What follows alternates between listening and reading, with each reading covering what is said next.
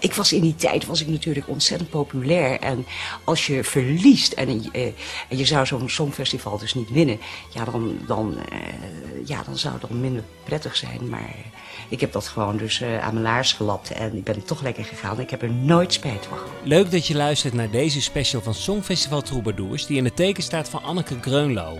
Deze aflevering zit boordevol uniek en nooit uitgebracht materiaal van Anneke. En Jeroen Smits en ik, Giel Troost, spreken met Bart Peters. Veel luisterplezier. Ze was het eerste tieneridool van Nederland en verkocht wereldwijd 30 miljoen singles, wat haar tot op de dag van vandaag de best verkopende vrouwelijke artiest van Nederland maakt. Het succes beperkte zich niet alleen tot Nederland en België, maar ook in Azië, Duitsland en Joegoslavië was ze niet weg te denken uit de hitlijsten. We hebben het natuurlijk over Anneke Greunlo. Vijf jaar geleden overleed ze en in deze aflevering spreken wij met Bart Peters over Annekes rijke carrière en uiteraard haar deelname aan het Eurovisie Songfestival van 1964 in Kopenhagen. Hagen met Jij bij mijn leven.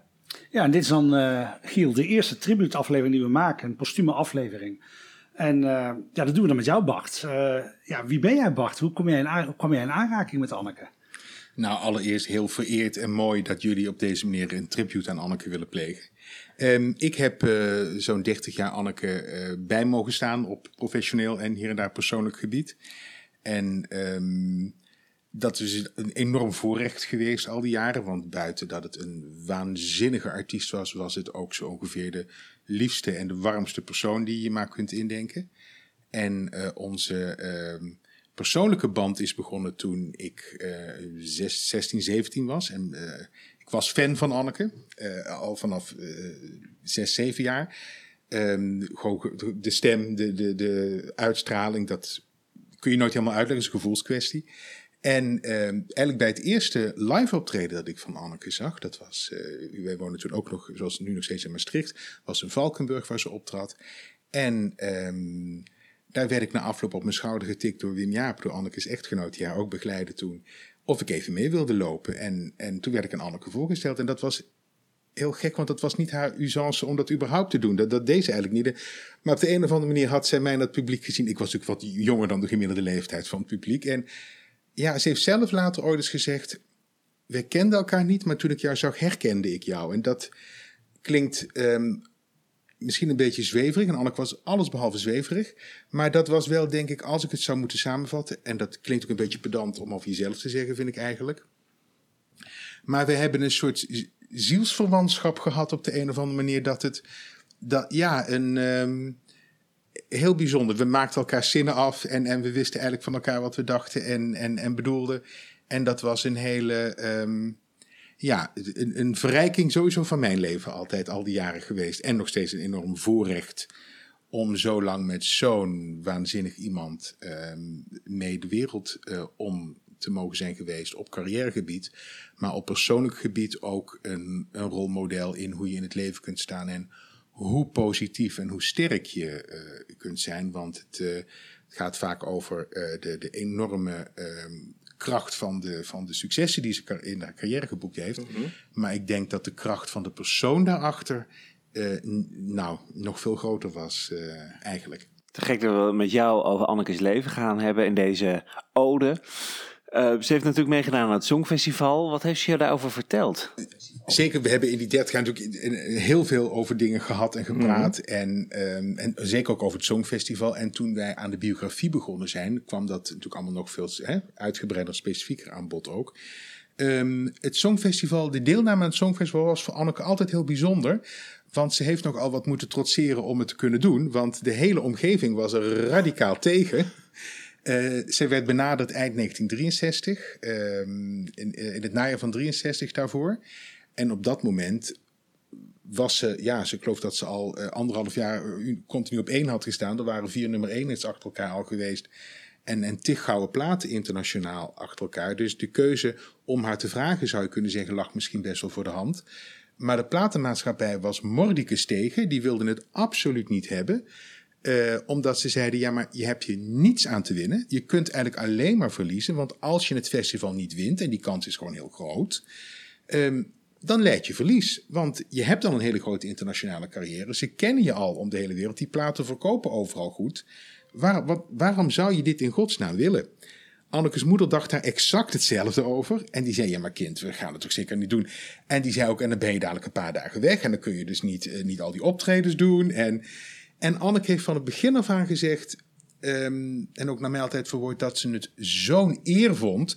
Want ze mocht Nederland, ze mocht haar land vertegenwoordigen. En dat was voor haar iets, iets groots. Eh, het Songfestival, uh, legde altijd uit, was toen ook zoiets groots en, en, en prestigieus en, en geweldigs. Eh, dat hing voor haar heel erg samen met Teddy Scholten en Corrie Brokken. De winnaressen. Ja, want het was eigenlijk pas ja. het achtste Songfestival. Hè? En toch was het al groot in Nederland, ook door de twee overwinningen. Zeker. En, en ehm Corrie eh, was voor Anneke een voorbeeld in, in dat was het, ja, een beetje het, het natuurlijk. En een geweldige zangeres en met een uitstraling op het podium waar ze ook gewoon tegen opkeek. En, en die ze in, in 63 ook al goed kende. En later ook eigenlijk een levenslange vriendschap mee heeft onderhouden met Corrie. Dat gold ook voor Teddy. eh, die ze weer geweldig vond. De, de, de voordracht en het charmante en de manier van het brengen. Dus het feit dat zij inderdaad daarvoor gevraagd werd, lag ook in het verlengde met, jee, maar dan vragen ze mij voor iets waar ze ook Corrie en Teddy voor. Dat, dat Valt zij ook in dat rijtje? nou, die grote ja, ja, daar zou ze zichzelf nooit toe hebben durven, durven scharen eigenlijk. Want eh, Anneke had een, een irritante bescheidenheid. Die, die niet vals was, maar echt overtuigd van. Dus ze vond dat. Maar ze vond ook bijvoorbeeld het jaar voor haar is Annie Palme geweest. En Anneke vond Annie Palme ook altijd. Want er werd wel eens af en toe nog wel, ook in de latere jaren. als er interviews over het Songfestival gingen. En dan weet ik dat ook iemand een keer ik geloof dat het ergens een programma, het was niet Helco Span die het zei, maar in een programma met hem iemand zei van ja, dan ging, dus stuurde ze zo'n Annie Palme met een herder en een herderinnetje. Nou, die heeft repliek gekregen. Ja. Die heeft repliek gekregen van Anneke. Waarbij Anneke, ik zie het nog gebeuren, zei, pardon, Annie Palme was een uitstekende zangeres met een hele grote staat van dienst. Dus dat, die kun je niet hier wegzetten als een of andere zingende juffrouw over een herder en herderinnen. Dat lag heel erg, dat waren mensen waar ze heel veel respect voor We gaan het hadden. zo uitgebreid over Annekes carrière hebben en het Songfestival. Heel even terug naar het begin. In 1959 begon het hè, met een platencontract. Ja, ehm, eh, Anneke is eh, helemaal bij het begin, het begin dus geboren eh, tijdens de oorlog in Nederlands-Indië. Ja. eh, Celebes, tegenwoordig Sulawesi. Geboren terwijl haar vader al geïnterneerd was. Haar vader was een Nederlandse officier in, in het KNIL. En haar moeder was inland, zoals ze dat toen noemde. Dus wat je nu Indonesisch zou noemen. Maar het is niet Indonesisch, want Indonesië bestond nog niet. Ehm, eh, haar moeder zat in het verzet, dus was ondergedoken. Dus toen Anneke geboren werd, werden ze een paar maanden later zijn ze gepakt. En hebben ze inderdaad in het kamp helaas nog gezeten. Daarna de hele Bersiap meegemaakt. Dat wil zeggen dat wij nu de, de onafhankelijkheidsoorlog van Indonesië noemen. Ehm, en toen ze ehm, zeven was, zijn ze naar Nederland gekomen. En inderdaad, tien jaar later eh, was dat eerste grote talentjacht. Toen had ze al een aantal jaren erop zitten als amateur. Dat telde ze zelf nooit mee bij de carrière. En waar want, trad ze dan op? En, eh, ehm, nou, met, met, op school samen met Peter Koelewijn en Harry van Hoof.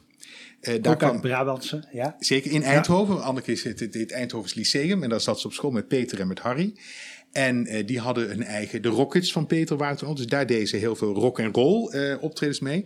En dat, Anneke was gek op rock en roll. Dat was ook haar oorsprong. Dat en jazz. Want daarnaast trad ze daarvoor ook al eh, in België en Nederland op voor een impresario. Die heette Jos de Mol. En die deed heel veel dansavonden die er toen nog waren. ehm, met, met een big band. En dat was heel veel jazzy repertoire.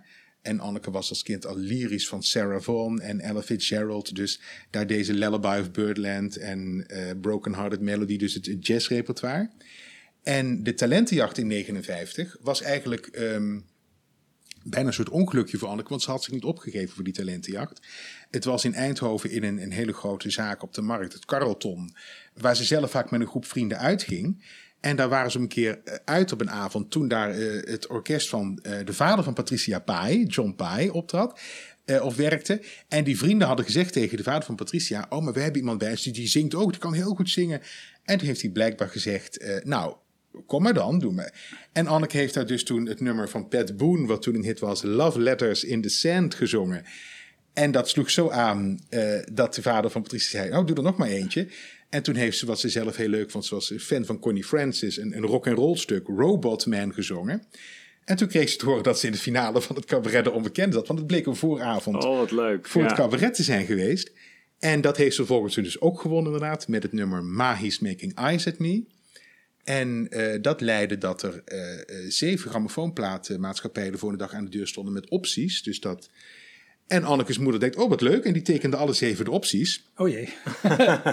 wat natuurlijk onmogelijk is, maar die had ja. niet heel veel ideeën van een optie inhield. Die dacht alleen maar, oh dan kan mijn dokter zeven platen maken. Nou, joepie, vlag ja. uit. Um, en toen hebben ze uiteindelijk gekozen voor, uh, voor fonogram. Dat was Philips. Nou ja, voor een Eindhovense familie waar op elke gevel Philips staat, was Philips natuurlijk inderdaad ook uh, mega. Plus wat Anneke altijd zei, dat ook meetelde. Philips, ja, maar op het Philips-label, daar zat Corrie Brokken en daar was Mieke Telkamp. En dat waren grootheden voor haar. Dus, dus dat was eigenlijk om de keuze op Philips viel. Toen hebben ze dus inderdaad moeten zorgen dat die opties allemaal verliepen. En daar had Annekes moeder nog wel een leuk idee voor. Die uh, smeerde als die heren dan een afspraak maakten en aan de deur kwamen. Dan moest Anneke haar gezicht met kunjit insmeren. Kunjit is de Indische term voor kurkuma. Mm -hmm. Dan oh, kon je geel. En dus Anneke had geelzucht. Dus kon onmogelijk. Oh, en, dat hebben ze, ook, ja. en dat hebben ze dus een maand of twee, drie volgehouden. Tot Philips inderdaad de boel geregeld had en die opties verlopen waren. En uh, toen kon ze dus inderdaad in het, uh, uh, ik geloof dat het april of mei was, uh, naar de fonogramstudio voor de eerste single. Ja, toen ging het sneller, Giel. Toen kwamen al heel snel hits. Uh... Ja, want uh, de eerste single, ehm, Asmara, werd een grote hit in Maleisië, in Japan en in Singapore. Ja, iets later dan dat die uitkwam. Want de bedoeling was, het eerste singeltje zou eigenlijk een Nederlandstalig liedje zijn. en toen ze dat wilden gaan opnemen, toen werd de opname stilgelegd. Want Annekes dictie, haar uitspraak was niet goed genoeg. Nou is dat onvoorstelbaar als je Anneke in de hoop hebt. Want weinig mensen spraken zo prachtig mooi met een dergelijke articulatie. Maar dat was dus een gevolg van dat ze op spraakles moest. Want ze was Indisch en ze zei zelf altijd... ik had een dikke D en een zachte G vanuit Brabant. En in die tijd mocht niet regionaal getint uh, zijn. Dat mocht je niet horen. Dus heel netjes. En, het uh... moest allemaal heel keurig, algemeen beschaafd Nederlands inderdaad. Dus toen hebben ze Anneke op spraakles gestuurd bij Ellen Vogel en bij Connie Stewart die ook alle twee connecties met Philips met fonogram hadden. En toen hebben ze om toch iets op te nemen, hebben ze als eerste singeltje voor een Maleis, twee Maleise liedjes gekozen. Die Anneke zelf al zong, omdat um, tekst en muziek deels van Anneke naar moeder zelf waren. Dus daaruit, eigenlijk uit nood is dat eerste singeltje van Asmara geboren. En uh, Anneke zelf ze altijd, nou in Nederland hebben 48 vrienden en familieleden het gekocht, deed niks. Maar, maar hoe kwam het dan in het buitenland terecht? Hè? Philips had vertegenwoordiging ja. zitten, fonogram, eh, ik zeg Philips, maar fonogram was de platenmaatschappij van Philips.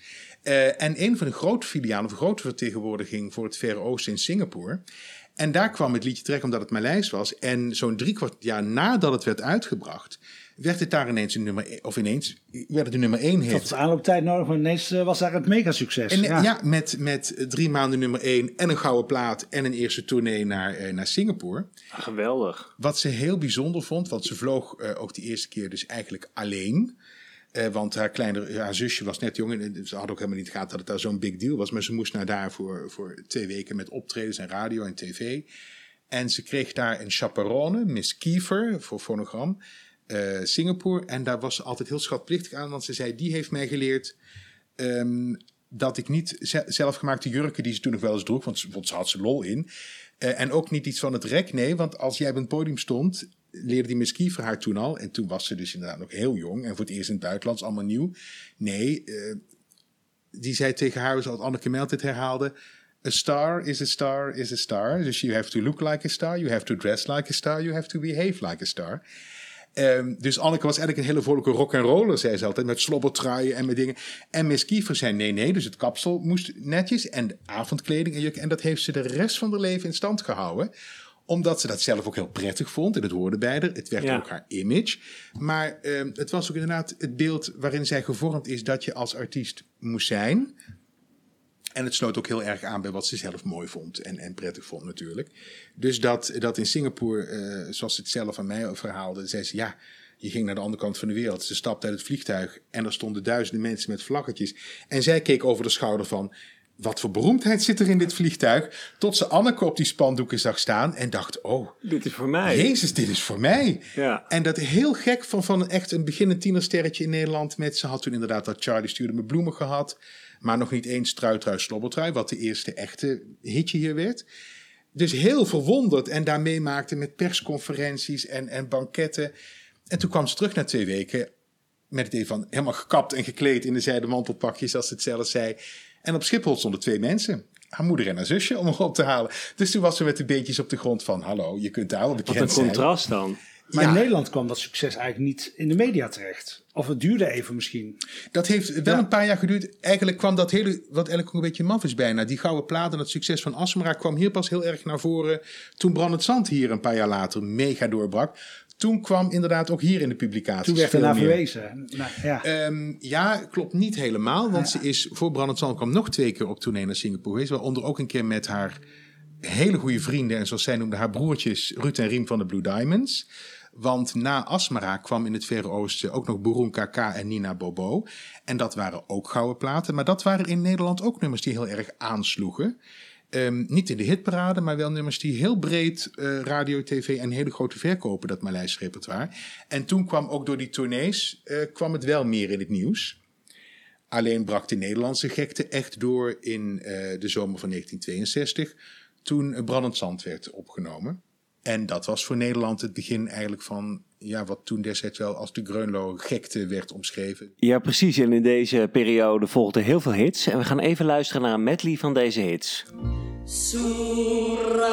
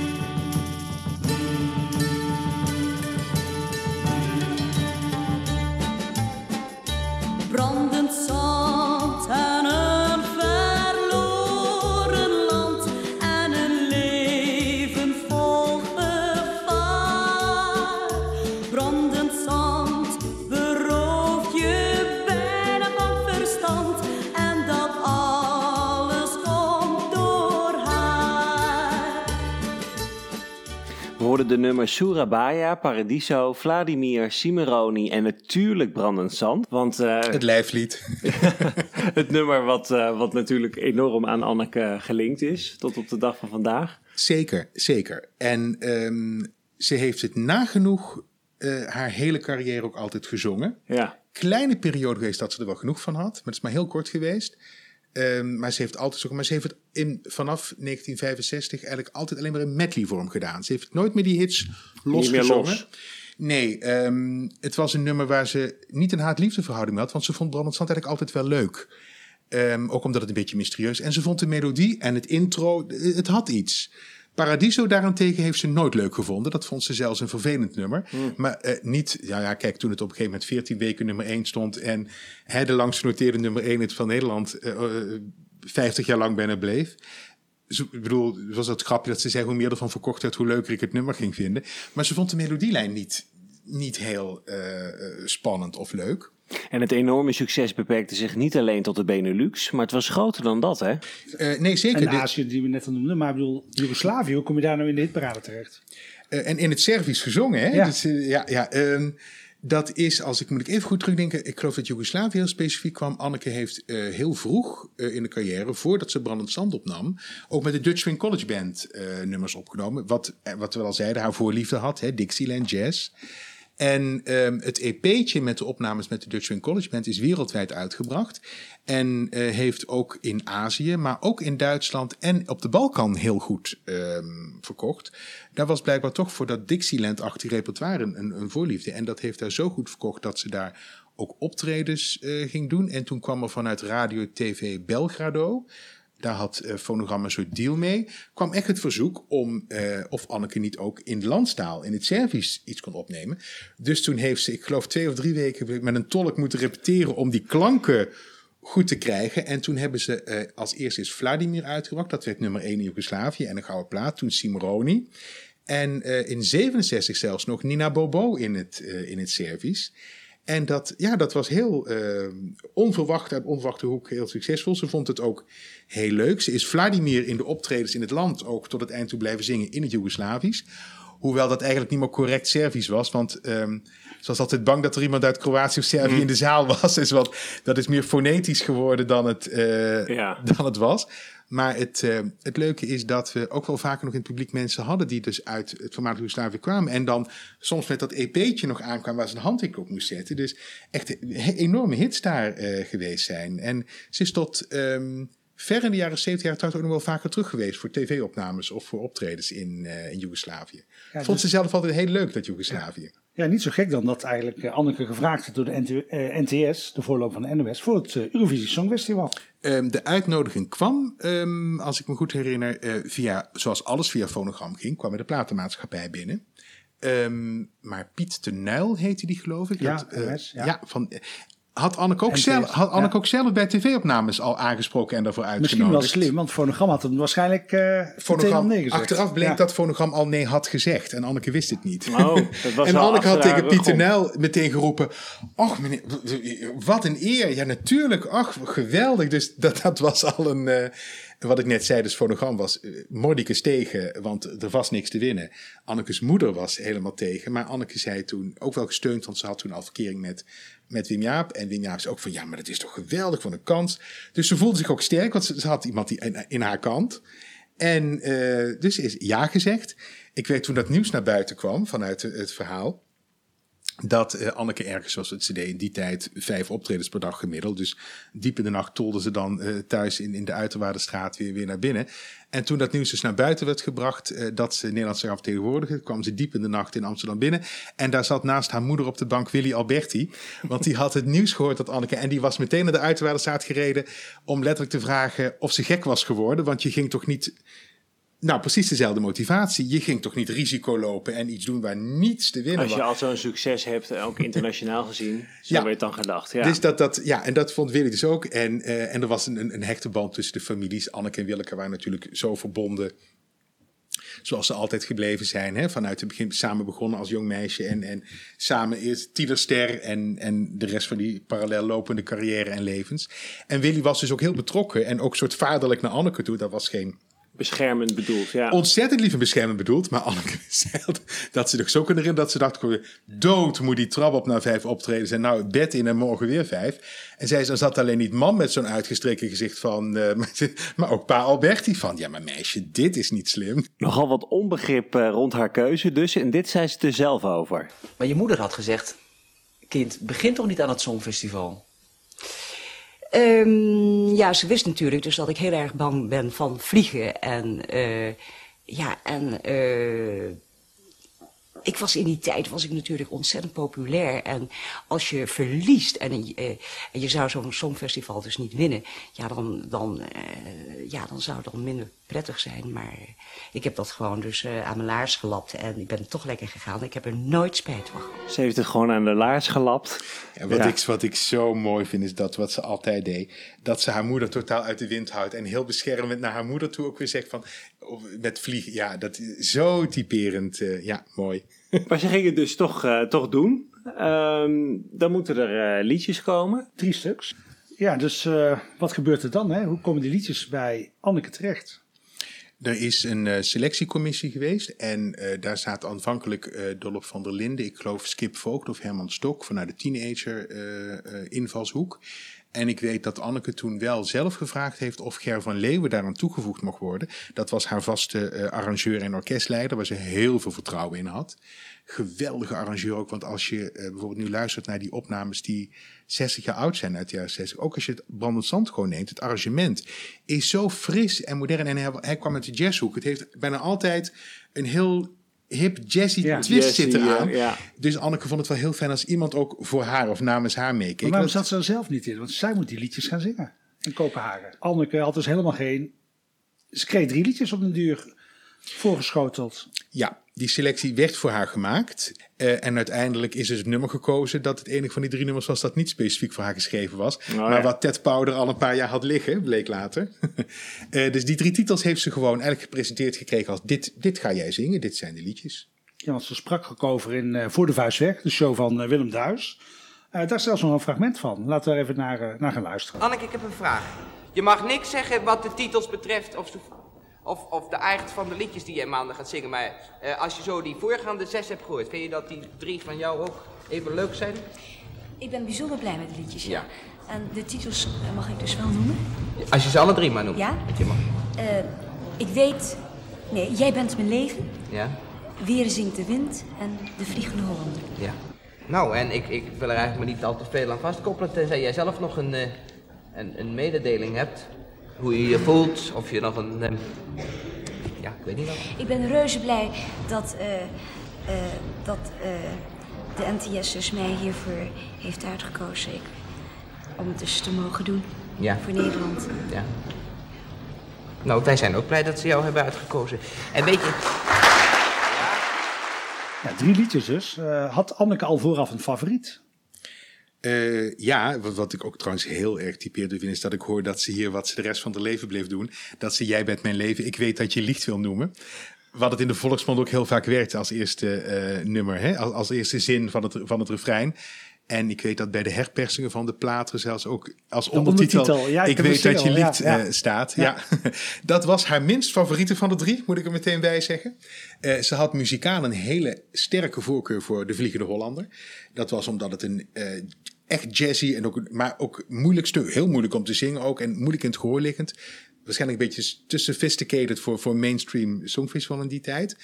Ehm, dat schat ze zelf ook zo in. Dus ze was eigenlijk van overtuigd dat Weersing de Wind zou gaan winnen. Want dat vond ze ook een hele mooie melodielijn. En, en, en de tekst mooi. Dat, dat vond, vond ze prachtig.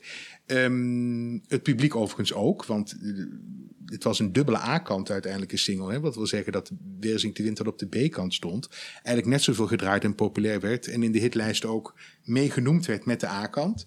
En die A-kant was dan wat uiteindelijk won. Eh, Jij bent mijn leven. Ze vond de melodie, zei ze, altijd wel leuk. En ook fris en modern en hip met die gitaren erin. En du- dus ook wel iets hebben.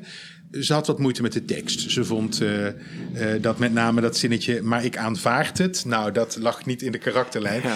Het was niet zo dat, dat je, daar had je destijds helemaal geen invloed of inspraak Nee. in. En dit was gewoon wat je moest zingen. Dus dat deed je dan, zoals Anneke het zelf tegen mij zei, zo goed en met zoveel overgave als je kon opbrengen. Ja. En dat, eh, dat was wat het was. Ja, en dat gebeurde dan op eh, 24 februari 1964 in het Utrechtse Tivoli. En eh, ik denk dat we maar eens naar moeten gaan luisteren.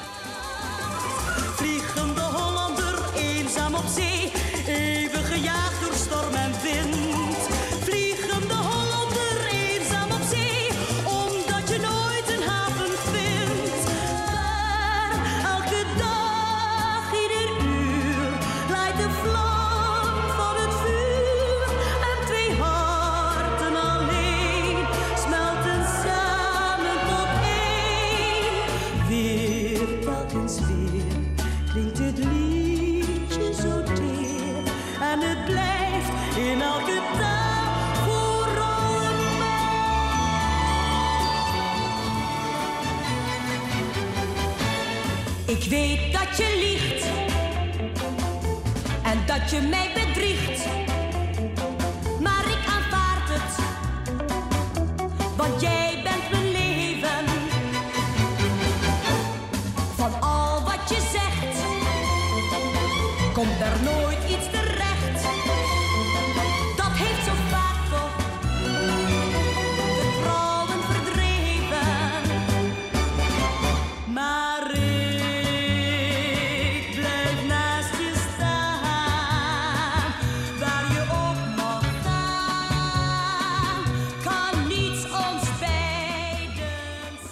We hoorden de liedjes Vliegende Hollander, tekst en muziek van Jan Mol. Weer zingt de wind, tekst en muziek Joop Portengen en Gerrit en Braber. En Jij bent mijn leven, tekst en muziek Ted Powder en René de Vos. Ja, dat was dus de, de, de jury die koos voor dat liedje. Daarmee mocht ze naar eh, Kopenhagen afreizen. Eh, ja, je zei al, eh, het was niet haar favoriete nummer. Maar ja, dan moet je daar toch mee naar Kopenhagen. Ja, maar daar heb ik nooit van begrepen dat ze dat een probleem vond. Of dat ze er. Nee, want ze had ook beslist geen hekel aan het liedje. En ze vond de melodie inter, eh, hip en modern. En eh, ja, er speelden ook op persoonlijk eh, vlak nog wel dingen mee waarom ze niet kon wachten om naar Kopenhagen te gaan. Eh, je noemde net de datum van het nationale finale. Het was 24 februari. Dat is de verjaardag van Wim Jaap. Ehm, en het Songfestival hing voor Anneke altijd heel erg samen met, eh, met eh, haar vriend toen. En ehm, er was ook heel weinig mogelijkheid, want je was nooit alleen. Je werd overal bespied. Of er was pers en Annekes moeder schermde haar af als een... Was eh, er ook vaak bij. was er zoveel mogelijk bij. Dus toen Anneke en Jaap verliefd werden, moest dat allemaal heel omslachtig en voorzichtig. En als ze dan alles een keer eh, tijd hadden om, om nog even te gaan stappen of te gaan dansen of uit te gaan, dan stuurde haar moeder altijd of Johnny Lyon of Harry van Hoofd erachteraan om er gezellig bij te gaan zitten. Want eh Annekes moeder was als de dood dat er eh, een echte liefde zou ontstaan of dat Anneke zich zou gaan verloven. Ehm, de platenmaatschappij overigens ook, want een tienerster moest eh, eh, beschikbaar zijn. Hè? Dat was niet goed voor de populariteit. Ehm, maar ja, liefde laat zich niet eh, tegenhouden. Dus Anneke en Wim Jaap hadden al besloten dat als Anneke naar Kopenhagen zou gaan, dat Wim Jaap ehm, stiekem twee, drie vluchten later dezelfde dag ook naar daar zou gaan. En eh, ze hebben, dat is dus ook gebeurd. Dus Anneke vertrok met het Polygoonjournaal in beeld. Met Ageet Scherphuis eh, zwaaiend en lachend eh, naar Kopenhagen. En Wim Jaap nam één toestel later. En was dus ook in Kopenhagen steeds erbij. En ehm, na afloop van de internationale uitzending was een groot banket na aflopen. en daar hebben ze zich ook in het Tivoli Park hebben ze zich verloofd. Dus dat was voor Anneke ook altijd iets. Daarom wist ze die datum ook altijd uit haar hoofd. Dat was eigenlijk voor haar het allerbelangrijkste. eh, Ja. Op, ja, die verloving inderdaad. Dat, eh, met de liefde van haar leven die tot, tot zijn overlijden ook eh, dat gebleven is. Dat, dat hing voor haar heel erg samen ook altijd Met met het Songfestival. En ja. ook met de waanzinnige herinneringen die ze eraan had. Want ehm, het had een niet plezierige start eh, toen ze in Kopenhagen aankwam. Maar eh, het feit dat, dat, dat die verloving en, en, en Wim Jaap, dat was voor haar altijd een, eh, dat was een heel, heel belangrijk iets. Ik hoor jou zeggen, niet plezierige start. Wat was die niet plezierige start dan dat daar plaatsvond? Wat, wat gebeurde er? Daar was ik uiteraard niet bij. Hè? Dus ik, Ja, ik nee, kan wat- het alleen, wat heeft Anneke ik kan het alleen maar halen Ja. uit de mensen die er wel bij waren. En dat waren, eh, ik ken het verhaal van Anneke en van eh, Wim Jaap en van Jaap Stamer. En dat was dus degene die Anneke begeleidde op PR-matig, radio en tv-optredens van Fonogram. Die was wel mee. Eh, Anneke arriveerde in Kopenhagen toen de rest van het gezelschap, de artiesten, er eigenlijk al twee dagen waren. Want er waren al twee repetitiedagen geweest. Doordat, waar we het eerder over hadden, dat dat idioot drukke schema van vijf optredens was, was gewoon geen mogelijkheid om eerder te gaan. Dus ze kon gewoon niet eerder weg. Eh, ik geloof dat ook gold voor Matt Monroe, die Engeland vertegenwoordigde. Ehm, en toen ze dus de, eh, het podium eh, van het Tivoli Theater opliep om te gaan repeteren, hè, Dolph van der Linden stond als dirigent voor het orkest. Ehm, het orkest startte, Anneke zette in. En toen legde Dolph van der Linden het orkest stil. En zei tegen Anneke: eh, Ja, maar het is wel de bedoeling dat je mij aankijkt, want ik moet jou aangeven wanneer jij eh, in moet zetten. Maar ja, je bent zeker niet gewend om met groot orkest te werken. Waarbij Wim Jaap, die aan de zijkant stond, tegen meneer Van der Linden zei: En u bent blijkbaar niet gewend te werken met een vocalist die weet wanneer ze in moet zetten en op de tv-camera let, want het betreft hier een tv-opname. Toen was de, Duidelijke taal. Duidelijk, ja. Ja. Anneke zei altijd tegen mij dat ze nog nooit in haar leven zo gelukkig is geweest. Want iemand, wat zij nooit had durven zeggen, of gewoon, werd door haar vriend, werd gewoon, en Jaap Stamer van Fonogram die erbij staat, be, benadrukte dat ook een keer dat dit niet de bedoeling kon zijn. Dus ze werd opnieuw ingezet en toen bleek ineens dat het arrangement veranderd was. Het tempo was veel sneller. En eh, de hele moderne elektrische gitaren waren vervangen door strijkers. Waardoor dat hele hippe, moderne poppy nummer ineens eigenlijk een, een, een hele traditionele songfestival ballad werd in een te hoog tempo. Een heel ander nummer eigenlijk. Ja. Eigenlijk een heel ander nummer. Ehm, en ook de kracht, net dat, dat met die elektrische gitaren, dat moderne, was er dus helemaal uit. Ehm, daar heeft Jaap Stamer toen van de, vanuit Fonogram ernstig tegen geprotesteerd. Maar er was niets meer aan te doen. Want het orkest had dit twee dagen lang zo gerepeteerd. De partituren waren op deze manier geschreven. Ehm, en dat had Dolph van der Linden dus op eigen houtje eh, veranderd. Kun je je toch niet voorstellen, hè? Dat die Nee. artiest die daar moet staan, dat niet weet. Nou, ik denk dan dat je heel blij mag zijn dat het een artiest betrof die zo muzikaal was, dat hij dat alle minuut met één repetitie kon oppakken, het tempo kon aanpassen. Want je moet ook maar genoeg lucht hebben om dat zo snel te kunnen, kunnen doen en wennen aan dat nieuwe arrangement. En dat was eigenlijk gewoon de situatie zoals het was. Ik bedoel, eh, ja, maar het, was, het kwam de sfeer onderling natuurlijk niet, eh, Niet ten goede. ten goede. Nee. Het was een persoonlijke sneer. Ja. Ja. En dat kon Anneke toen niet plaatsen. En snapte eigenlijk überhaupt nooit goed waar dat nou... Maar ja, eigenlijk vond ze het ook niet interessant genoeg om zich daar druk over te maken. Jaap Stamer eh, daarentegen legde mij eh, to- toen een keer heel duidelijk uit. Die zei, ja, zei hij, maar... Dolph was een hele geweldige fijne vent, normaal gesproken. Maar het was zijn songfestival en zijn beleving. En hij vond dat het songfestival draaide om het liedje en zeker niet om de artiest. En toen zei Jaap, en toen Anneke ging, had het Songfestival niks meer te maken met het liedje. Het was onze Anneke gaat naar Kopenhagen. Dus het was eigenlijk een heel, het was een Anneke Greunlo show. En dat vond Dolph dermate vervelend, zei Jaap, dat hij gewoon Anneke op de plaats wilde zetten. Een iets wat moeizame start van de repetities dus. En dat was niet het enige, want dit gebeurde er ook nog. Nou, met de, eh, tijdens de generale repetitie ehm, vergat ik dus weer de laatste paar treden. En ik ben op een verschrikkelijke manier ben ik dus op de vloer terechtgekomen.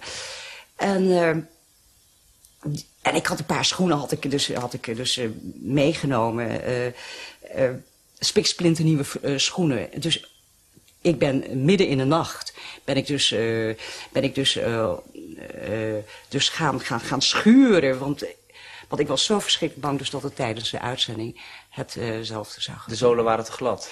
Ja, je had vroeger van die hele dunne, gladde zooltjes. eh, en eh, ja, omdat die schoenen ook zo nieuw waren. eh, misschien dus dat daardoor gekomen is. Maar gelukkig tijdens de uitzending is alles wel goed gegaan. Dus er werd druk eh, geschuurd aan de zooltjes. Samen met Ageet Scherphuis. Ja, die het Nederlandse commentaar verzorgde. Omroepster van de NTS destijds, die mocht mee en die deed het commentaar.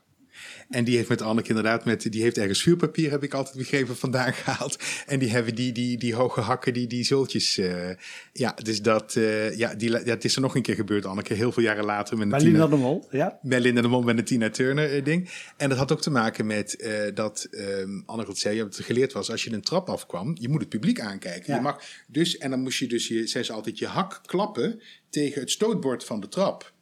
Ehm, maar dit was een wenteltrap eh, in Oh. Kopenhagen, dus dat, dat, dat ging niet. En eh, ja, ze had inderdaad toen, eh, wat ik ook begrepen heb, ook Wim Jaaps altijd zo'n blauwe knie. Maar de avondjurk van Dick Holthuis die gemaakt was, viel over de knie. Dus dat heeft verder niemand, niemand gezien. Ja, ja want je had het al aan. Bij het Songfestival is natuurlijk de kleding ook altijd van, van groot belang. Het is heel bijzonder, want we hebben hier de jurk staan. En, eh, we Op zullen- jullie verzoek, hij staat Ja, er niet standaard. Nee, nee, precies. We hebben aan jou gevraagd. Een hele mooie zwarte Of we hem zouden mogen Ja. zien. Ja, en eh, ja, een hele Hij is mooie gelukkig jurk. bewaard gebleven. En natuurlijk delen we foto's van de jurk op onze Instagram-pagina. Een tijdloze jurk is het, eh, vind ik. Ja, prachtig. Ja, het was Annekes vaste couturier eigenlijk, Dick Holthuis. Van, van, eigenlijk vanaf het begin van de carrière al aan. We, hadden het eerder over dat ze in Singapore, dus met die kleding zo. Heeft ze heel gauw Dick Holthuis inderdaad ontdekt, die, die toen beginnend couturier was. En ehm, heel vaak maakte Anneke zelf het ontwerp, het schets, wat ze zelf in idee had. Wat ze ook, want je moest ook in kunnen werken. Dus dat was heel belangrijk voor een zangeres natuurlijk. En wat ze altijd tegen mij, waar ik in het begin moest wennen. Ja, maar hij moet ook van achter goed zitten. En als ik me zou bukken of een trap op moet, moet hij ook. Dus het moest aan alle kanten moest het mooi en, en, en netjes zijn. En, en alles verhullen wat je wilde verhullen. Ja. En ehm, in het geval van het Songfestival ehm, weet ik inderdaad dat er, eh, dat er drie outfits voor elk voor het Nationaal Festival, voor elk eh, liedje een andere outfit. Ehm, en voor het, eh, de internationale finale heeft ze één van die drie jurken inderdaad Oh ja. Gekozen. En dat is degene die dus gelukkig bewaard is gebleven. Die ze ook eh, wel niet alleen daar gedragen heeft uiteraard, ook daarna ook. Maar, en dat was niet iets wat ze zelf had bedacht. Dat was echt iets waar Holthuis zelf helemaal mee, eh, mee gekomen is met dat, eh, dat ontwerp. Ja, en hij had nog meer kleding eh, voor haar eh, gemaakt eh, voor de week van het Songfestival. Ja, zeker. Nee, het, het beetje Jackie Kennedy-achtige pakje. zien dat die beelden zijn wel bewaard, Het gelukkig. prachtige namelijk. beelden. Gaan Van- we ook met jullie delen. Van dat ze vertrekt op Schiphol met Ageet. Ja. dat, dat is inderdaad een, zo'n pillbox Oak's hoed met een, met een mantelpakje. En er was een, een, een cocktailjurk voor het grote diner dansant dat na het festival eh, gehouden werd. Dat was iets waar Anneke eigenlijk meer over had, vaak als we het erover hadden, dan over het Songfestival zelf. Want er was blijkbaar in de grote zaal van Tivoli een heel groot diner met, eh, waar het orkest van de Deense omroep nog speelde. En waar Matt Monroe, eh, destijds ook een hele beroemde eh, Engelse Zanger, ja. zanger. En daar heeft ze met Matt Monroe samen toen nog When the Saints eh, gedaan. En nog een solo nummer ook. En dat was blijkbaar een ontzettend warm eh, onderling contact met, eh, met de buitenlandse collega's. Ik herinner me ook dat toen ze in de kleedkamer zat voorafgaand aan het Songfestival, dat Wenke Mure, een, een Noorse zangeres die ze kende uit de optredens in Duitsland, dat die met een soort toi toi toi eh, nog, binnenkwam kwam rennen, want die zat in de zaal. Eh, Udo Jurgens was daar namens eh, Zwitserland. Nee, Oostenrijk. De oh, eerste, sorry, keer, Oostenrijk. de eerste keer ja. dat hij meedeed met uh, Noer, eh, Waarom, Noer, Waarom. En die kenden ze ook vanuit de optredens in, in, in het buitenland. Was het ook haar favoriet, de Oostenrijkse inzending van Udo Jurgens? Of van alle deelnemers? Van, die, van dat jaar bedoel Van je? 64? Ja. Eh, nee, want ze, had, ze zei tegen mij altijd dat ze eigenlijk bij de, bij de eerste keer dat ze Nonna Lita hoorde, dat ze zei, dit wordt hem. Ook omdat alles klopte aan Gigliola Cinquetti, eh, wat ze altijd een vreselijke naam vond om uit te spreken. Want ze, maakte naam, er, ja. ze, ze zei, ik maak er altijd een lettergreep te veel of een lettergreep te weinig in. Ehm, dat vond ze inderdaad zo, alles klopte, zei ze. Dat was inderdaad, dat, dat vond ze prachtig. En dan is daar de grote avond. Anneke treedt als tweede Een op. rotpositie zeggen ze altijd. Ja, nooit iemand gewonnen nooit vanaf iemand de gewonnen. positie. Ja. Nee. Maar eh, voor het eerst sinds jaren dat Nederland weer punten kreeg, geloof ik. Hè? Ja, het jaar ervoor bleef op nul hangen. En nu werd het een, eh, een tiende plek. Ze zong het met verven en zo klonk het in het arrangement van Dolf van der Linden. Maar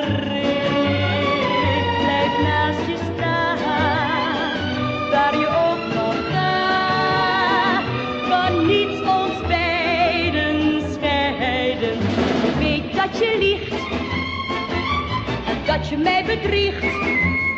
Maar ik aanvaard het, want jij bent mijn leven.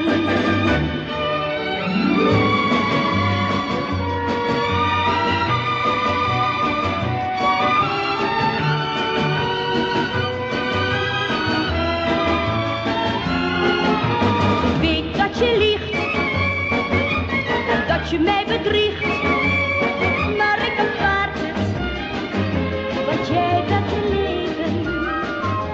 want jij bent leven, want jij bent leven, want jij bent.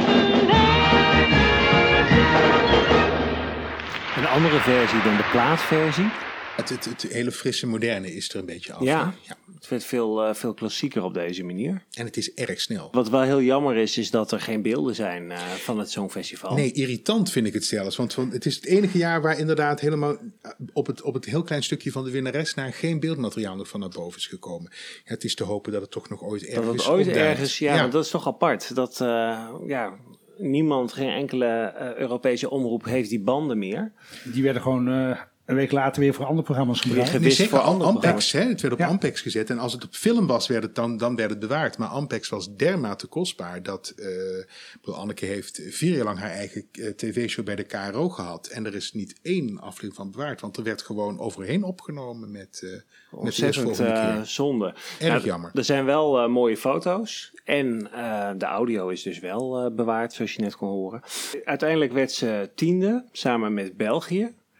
Eh Près de ma Rivière, wat Anneke in het Nederlands heeft opgenomen als daar bij de rivier, inderdaad, Oh, ja. eh, eh, vlak na het Songfestival. Die gaan we even op onze playlist zetten. Maar eh, ook al had ze de tiende plaats eh, behaald, eigenlijk kreeg ze een ontzettend mooie prijs. Een mooie blijk van waardering. Je bedoelt de persprijs.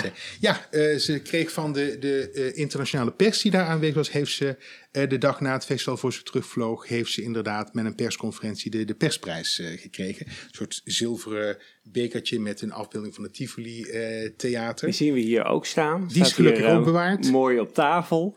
En dat, eh, dat vond ze zelf eigenlijk wel, zoals ze zelf zei, grappig.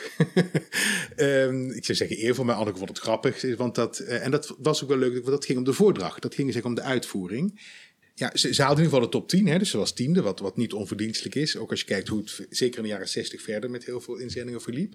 Er wordt af en toe wel eens een fout gemaakt dat ze naar het aantal punten kijken. Ehm, en dat kan niet als je naar 64 kijkt, want het was een hele afwijkende puntentelling. Want ehm, landen mochten toen maar aan drie landen een punt geven. Dus alles vanaf de vierde plek kreeg geen punten. Dus eh, die drie punten die Anneke uiteindelijk maar had, zou je kunnen zeggen, betekenen in haar geval dat ze voor drie van de deelnemende landen op de derde plaats stond in de, in de ranking. En dat is alles behalve slecht. Maar nog even terug naar die persprijs. Want je zou verwachten dat daar de kranten vol mee staan als je terugkomt in Nederland. Je hebt toch een prijs meegenomen van uit Kopenhagen. Ja, we hebben in het archief publicaties erover uit Italië en Spanje en, eh, en Duitsland heeft geloof ik ergens opgepakt. Maar nee, de Nederlandse pers heeft die persprijs eigenlijk volgens mij niet zo opgepakt. Ehm, kan ook zijn dat Anneke er zelf nooit melding van maakte. Want ja, de een niet leuk dat je hem kreeg, maar ja, je was tiende geworden. Het was nou niet alsof. eh, en de, de publicaties die wij in het archief hebben zitten erover zijn met name van. eh, eh, ach gods, eh, hoe kan dat nou? Ze hebben onze Anneke eh, heeft niet gewonnen en maar de tiende plek. En, en ook Henk van der Meijden die zich heel bezorgd ging afvragen of dit niet een enorme knauw in de, in de populariteit zou gaan geven. Ehm, wat je Anneke zelf net hoorde zeggen in dat fragment ook nooit één minuut spijt van gehad. Nee. En het heeft ook geen knauwende populariteit. Want Jij bent mijn leven is in Nederland nog een dikke hit inderdaad geweest. Die, die lang genoteerd heeft gestaan. Met die dubbele A-kant. Dus het, eh, nee, ze is er, wat, we eerder zei, wat ik al eerder zei, eigenlijk altijd alleen maar trots op geweest. En ze heeft wat met heel veel plezier aan teruggedacht. We hebben het er natuurlijk over gehad. Hè? Willy Alberti, de platenmaatschappij. Haar moeder, die waarschuwde haar. Straks eh, ga je er niet met de winst van door. Of met een, eh, met een mooie positie. Dan zou je kunnen zeggen, een tiende plaats valt tegen. Maar het heeft haar carrière niet geschaad. Nee, niet op de carrière. Nee. Bij de terugkomst. eh. Nee, er, er zijn wat extra buitenlandse tv-optredens ook nog uit voortgekomen. met name in landen waar ze het nog niet kenden. Ja. dus inderdaad, ik geloof Italië en, en, en, en Spanje iets. En, en in, ehm, ja, een, een, ehm, in Noorwegen of in Denemarken of in Zweden, in een van die landen, een soort special voor de televisie. Met een aantal zangeressen. Waar ook twee zangeressen van het Songfestival aan meededen. En dat waren, als ik me goed herinner, eh Gigliola en eh, Nora Nova uit Duitsland, geloof ik. Eh, die. Ik geloof dat ze, ik eh, weet het niet helemaal zeker, maar Nora die, Nova, ja. die waren daar, die zijn toen alle drie nog voor zo'n special in, eh, in een soort landhuis. eh, en het enige dat is helaas daar ook niet bewaard gebleven, is dat we wat publicaties hebben waar ze met z'n drieën dan nog gezusterlijk Oh, ja. eh, opstaan in de finale van dat programma. De winst ging naar, Gigliola Cinquetti. In met een moeilijke naam. Nonnoletta. Ja, prachtig nummer. Ehm, we hebben ook eh, gevonden wat Anneke van dit nummer vond. En eh, dat gaan we nu even laten horen. Weet je nog wie die won? Eh, Italië. Met wat voor liedje kun je dat nog zingen? Eh, hoe heet het? nee, ja. De tekst, hoe dat liedje heet, weet ik niet. Maar dat was ook het mooiste liedje. Nee, dat vond ik niet. Ik vond dus dat mijn liedje het mooiste was. ja. ja. Haar liedje was het mooiste. Ja, dit was op verzoek van de interviewer, kan ik je vertellen, want ik was bij deze opname. Ja, Tim Dekkers van de NOS die eh ontlokte Anneke dat zo te zeggen. Maar het is ook hele leuke tv, want dit was voor een tv-opname destijds. Ja, Ja, dit eh, was eh, Special, hè? ja, de special die eh, rond Edcilia Romli in 1998 eh, bij de NOS te zien was. Ja, en terug eh, naar het Songfestival, maar dan eh, het Nationaal, 1969. Ja, wie zien we daar ineens weer? Anneke doet weer mee aan het Nationaal. Ja, Hoe kwam zeker. dat zo? Ehm, ze is toen eh, door juffrouw Geveke inderdaad, eh, de producer van de platenmaatschappij, gevraagd eh, of, ze dat, of ze mee zou willen doen. En dat vroeg ze ook aan Rob ten Nijs, juffrouw Geveke. En Anneke en Rob hebben toen samen eigenlijk gezegd van nou, ik doe het alleen maar als Rob het doet. En Rob zei ik doe het alleen maar als Anneke het doet. Dus ze zijn inderdaad met z'n tweeën toen er, erin gegaan. Ehm, met het nummer Heartbeat. En dat was ehm, de eerste eh, muzikale samenwerking tussen ehm, Willy en Hans van Hemel, tussen vader en zoon. Speciaal op Anneke, of voor Anneke inderdaad ook eh, geschreven. En eh, het was een van de lievelingsnummers van Ramse Shaffi. Anneke zat in de periode dat dit speelde, in 69 was zij één seizoen lang de leading lady bij Shaffi Chantant. Ja. Lisbeth List deed één seizoen niet en toen heeft hij hemel en aarde bewogen Ramses om Anneke zo gek te krijgen om het te doen. Wim Jaap zei heel lang nee, want ja, het leverde niks op. eh, financieel gezien. En dat was helemaal niet interessant. eh, en een klein theater, Felix Meritus, het Shaffi Theater. Ja. En eh, met een hele troep eh, eh, artiesten. En eh, dat wil zeggen, een bepaalde groep waar ze niet normaal heel veel mee werkten. En toen is hij op een nacht, eh, midden in de nacht, onder het balkon van Ruimzicht, van de grote appartementcomplex aan de Sloterpas, waar ze wonen in Amsterdam, gaan staan. Met een grote bos witte rozen. En dan had hij een soort liedje gemaakt van. Als Anna, Johanna, droom van een vrouw, maak mijn dromen waar en doe het nou. Terwijl die roos omhoog gooide. Straal bezopen, heb ik begrepen van Anneke Wim Jaap. en eh, Frans Molenaar, de couturier, woonde naast Anneke. En die stond al in zijn kamer op het balkon te schelden en al die buren. Van Dus wat is dit? Wat Ja. is? Dus Anneke en Wim Jaap werden wakker. Dus Anneke zei, haal hem naar binnen voordat het hele complex ons eruit laat zetten. En Wat een mooi verhaal. Ja. en toen midden in de nacht heeft hij dat aan mij zitten vertellen van, eh, doen we nou? En dat Wim Jaap op een gegeven moment zei, in godsnaam, zeg maar ja. En als beloning kuste die Wim Jaap toen vol op zijn mond Ramses. Waarbij Wim Jaap altijd vol is. Dat is de enige man die mij ooit gekust heeft, is Ramses Shaffi. Maar Ramses vond dus Heartbeat het leukste, want er waren in oorspronkelijk drie nummers. Er moest eh, uit drie nummers een liedje Zeker. gekozen worden. Ja, ehm, toen kwam de eh, regen, de natuur laat zich niet dwingen en eh Heartbeat. Ja. En die zijn, als ik me goed herinner, in voorrondes in het land gezongen, waarbij er inderdaad gekozen is. Toen kwam de regen van Gerrit en Braber, is de B-kant geworden van de single. En de natuur laat zich niet dwingen, is helaas geen opname van bewaard. Oh, het was een liedje van Ad van der Geijn van het cocktailtrio. Ja, en het was een eh, leuk deelnemersveld. Eh, Rob de Nijs noemde je al, Dave, Connie Vink, Patricia Pai en eh, natuurlijk de winnares. Lenny Koer. Ja, en eh, wat zat er voor eh Anneke in? Slechts één punt. Ja, nee, dit was absoluut geen, eh, geen groot succes. Eh, de single is wel weer succes geworden, want die is toen nog opnieuw uitgebracht met de omgedraaide A-kant. Want toen kwam de regen, sloeg meer aan nog Oh. dan, eh, dan Heartbeat. Vandaar dat verzamelaars of fans misschien weten dat er twee persingen van de plaat zijn met de gewisselde A- en B-kant. Ehm, internationaal heeft het nummer wel nog het een en ander gedaan. Want Anneke is niet zo gek lang daarna naar het eh Gouden Roos van Montreux Festival, het jazzfestival van Montreux. Daar was een, inter- een avond met internationale eh, bekende zangeressen. En daar heeft ze in haar tour de chant eh, de Engelse versie van Heartbeat eh, gezongen. Waar inderdaad ook Van Hemert weer de, Engelse tekst voor heeft gemaakt. Die is speciaal daarvoor opgenomen ook. En ja, zeker de single die daarvan bestaat. Dat is ook een van de zeldzaamste singeltjes. Ehm, met op de B-kant La Bambola in het Engels, de Love Alarm. Geproduceerd door Peter Koelewijn, die opname. Dat is speciaal opgenomen en uitgebracht inderdaad voor Zwitserland voor het Montreux Festival toen. En wij gaan even luisteren naar de Nationaal Songfestival inzending Heartbeat, geschreven door Willy en Hans van Hemert.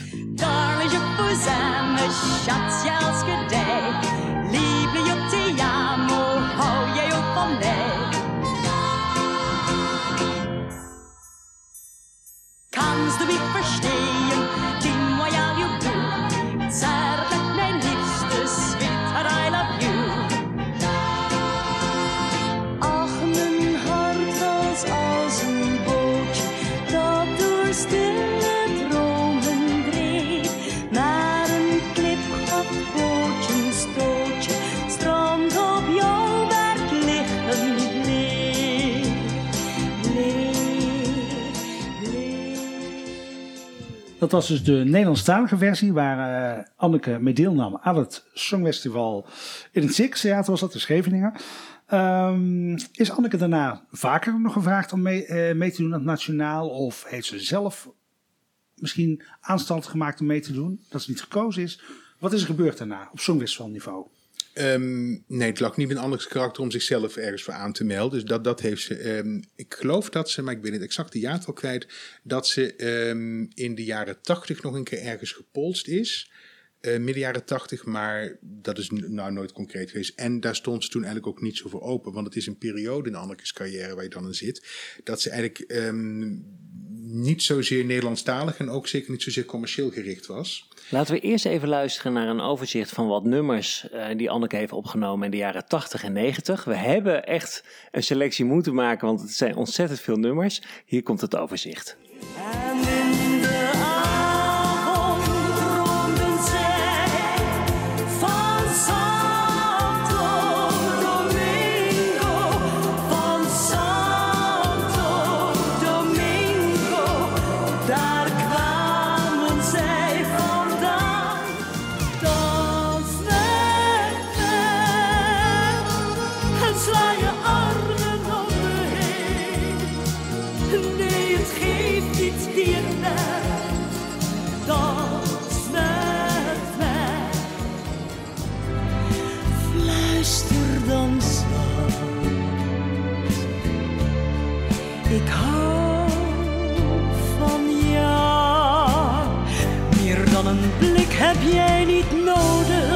Zijn woorden overbodig om te weten wat ik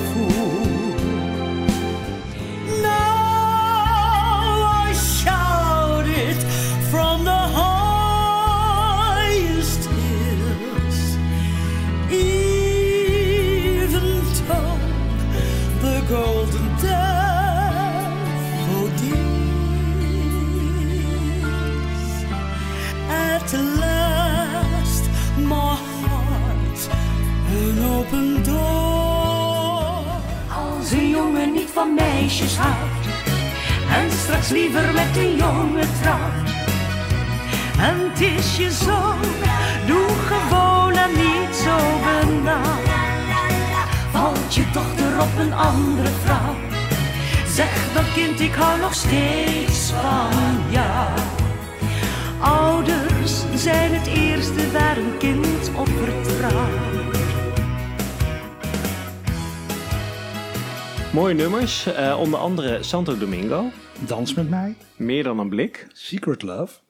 Als een kind. En om daarop door te pakken, dat is een eh, heel bijzonder nummer. Geschreven door Jan Rot. Ja, zeker. Op verzoek van Anneke. Ja. Het ehm, was een soort homo-emancipatielied. Ehm, dat wil zeggen, Anneke heeft zich ehm, vanaf nou, midden jaren tachtig ook eigenlijk wel ingezet altijd voor... voor nou, ingezet eigenlijk niet voor, maar tegen eh, de uitsluiting ehm, van wie of wat dan ook. Want daar was ze erg gevoelig voor. Ehm, maar met, in het bijzonder met de uitsluiting of de discriminatie van homoseksuelen. Omdat ze inderdaad gewoon dat onaanvaardbaar vond. Dat je mensen op grond van wat dan ook, maar zeker op grond van een seksuele eh, geaardheid uit zou sluiten. En daar heeft ze ehm, toen wel pionierswerk ook voor verricht, denk ik. En ze werd ook even homomoeder genoemd, toch? Ja, dat, had ze, dat vond ze een beetje een typische term, dat ze zijn kind heeft maar één moeder. En eh, ik weet dat ze er ook ooit wilde kronen tot homo-koningin. Dat vond ze ook niet kunnen, want er was maar één koningin en dat was Beatrix. Ja. Ehm, maar ze heeft wel voor die doelgroep, met, nou wel met hart en ziel, eh, zich er- erg ingezet. En zeker ook toen de AIDS-pandemie Ja. opkwam, inderdaad ook wel. En, en ze merkte inderdaad hoe mensen uitgesloten werden. Daar heeft ze echt ook niet, en dat ook altijd als een soort spreekbuis gediend. eh, om dat voor het voor mainstream publiek, voor het groot publiek kenbaar te maken. Wat er niet altijd in dank werd afgenomen. Ook door collega's vaker niet hoor. Want dan werd wel eh, meegemaakt in kleedkamers dat collega's ook zeiden van... joh, Anne, dat moet je echt niet doen, je daarmee associëren. Want dadelijk gaan ze denken dat je man of de kinderen eh, aids hebben. Of, of dat is niet, nou, dan boeken ze je dadelijk op bepaalde plekken niet. Dus dat is niet zo verstandig. En daar kon ze niet met de verstand bij dat iemand zo kon reageren. Ja, ik vind dat meer de bekrompenheid van de artiest die Ja, dat zegt absoluut. dan eh, dat het Ja. iets zou zeggen over Anneke. Maar Ja, de- zeker. En dat, dat, vond- nee, dat- maar daarom, als Anneke iets vond, dan was ze daar uitgesproken in. En dan ging ze ook wel de roeien en ruiten. De oorsprong ligt denk ik ook dat ze als kind zelf discriminatie heeft meegemaakt. Eh, als ze ehm, als ehm, half eh, Indisch, hè, of Indisch wil zeggen, dus half Europees, half Aziatisch in dit geval. En ehm, als ze in Indië was, dan werd ze, zei ze, altijd uitgeschoten voor eh kaaskop, kapale keju, want dan was ze heel blank en heel Nederlands. En toen ze na eh, de verhuizing of na de, de definitieve terugkomst naar Nederland, werd ze hier uitgeschoten voor pinda, pinda, poep Chinees, want dan was ze ineens, had ze een, een, een tint. Dus dat, dat uitgesloten worden op grond van wat dan ook, daar kon ze ontzettend slecht, eh, slecht tegen. Extra bijzonder dus dat ze haar eigen ervaring wist om te buigen. Om zich eh, vervolgens in te zetten voor onder andere homoseksuelen. Waar ze ook nog de Gouden Driehoek eh, voor kreeg. Voor haar inzet voor de emancipatie. Maar ze deed natuurlijk veel meer. Zeker, zeker. Wat, ehm, wat in die latere jaren nog aan toegevoegd is, is dat ze dus inderdaad cabaret is gaan doen bij Purper. Met, door haar goede vriend Jos Brink. Die had er eigenlijk inderdaad, zei van, die wilde al heel lang dingen met te doen. Had er al vaak voor musical gevraagd en vaak kon het dan gewoon weer niet. Doordat die agenda's zo vol zat, dat ze veel in het buitenland zat. Dus dat vond ze heel leuk, dat, dat, dat beetje cabareteske bij Purper. Eh, vlak daarna is ze gaan acteren. Waar ze wel vaker voor gevraagd was, maar altijd had van, ja nee, dat... Eh Anneke ze had altijd standaard antwoord. Zei ze, zij is een actrice. Zei ze, Ellen Vogel. Dat is een actrice. Ik, dat kan ik toch echt niet. Tot Ellen, die een goede vriendin van Anneke was. Ja. Die met zei, ja maar Jezus Anneke. Je doet niks anders. Je acteert je hele leven al. Want als jij een ballad zingt, als jij een lied zingt. De manier zoals jij dat interpreteert. Dat is acteren. De inleving. Ja, de, de, de, de, de inleving. Eh, en toen is inderdaad ver van familie een, een hoofdrol in de film gaan doen. En eh, daarna nog een tv-serie. Zusjes. zusjes inderdaad. En eh, de, de optredens in het land zijn eigenlijk sowieso altijd gewoon doorgegaan. Meestal gingen we twee keer per jaar naar het buitenland. Dat wil zeggen eigenlijk altijd Singapore en soms Indonesië. Indonesië was altijd veel meer gedoe en geregel. Maar Singapore was altijd wel iets waar ze minstens één keer per jaar ook naartoe wilden. En dan één, twee keer per jaar televisie Duitsland was ook eigenlijk wel standaard. Ehm, Want dat succes, dat internationale succes, dat bleef. Want dat is Ja, natuurlijk dat- in de ja. jaren 60 begonnen, maar dat was... Ze werd maar steeds gevraagd. Ja, Ja, nou is Duitsland ook wel een land wat zo ontzettend trouw aan, aan sterren en artiesten is. Dus daar hoefden ze eigenlijk nooit iets voor te doen. Dat bleef vanzelf wel komen. Eh, dat geldt zeker ook al voor het Verre Oosten. Ehm werd ook in interviews al vaak aan haar gevraagd van ja, maar Duitsland heeft dat, Nederland heeft helemaal niet. En dan had ze altijd het antwoord dat ze zei, nou, ik mag echt niet klagen, want ze is tot aan het eind toe zo dankbaar geweest voor de trouw van haar publiek, zeker ook in Nederland. Want die hebben er nooit in de steek gelaten. En dat betekende dus, dat is artiest heel luxe.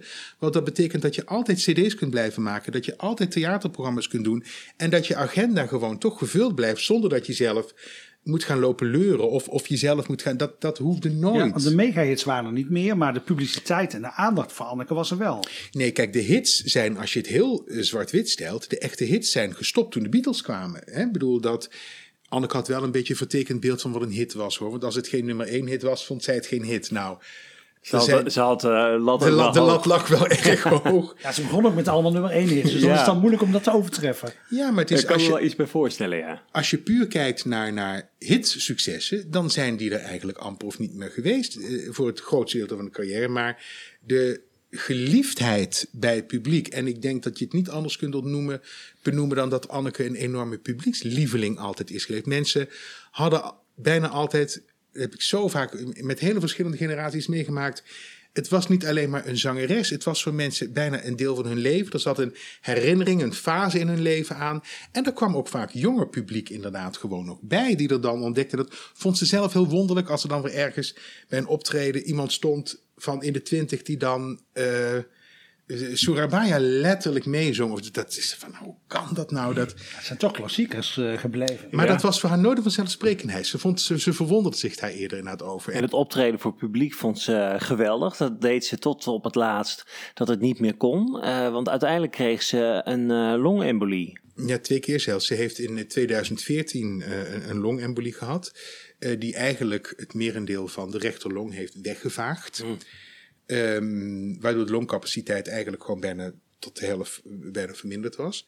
Ehm, ik vind het altijd een godswonder hoe ze, zonder dat iemand dat merkte toen, eh, kon, kon, kon zingen. En zelf heeft ze altijd gezegd dat haar redding is geweest 15 jaar klassieke zangles. eh, die ze heeft gevolgd eh, vanaf eind jaren 60 bij mevrouw Glastra van Loon.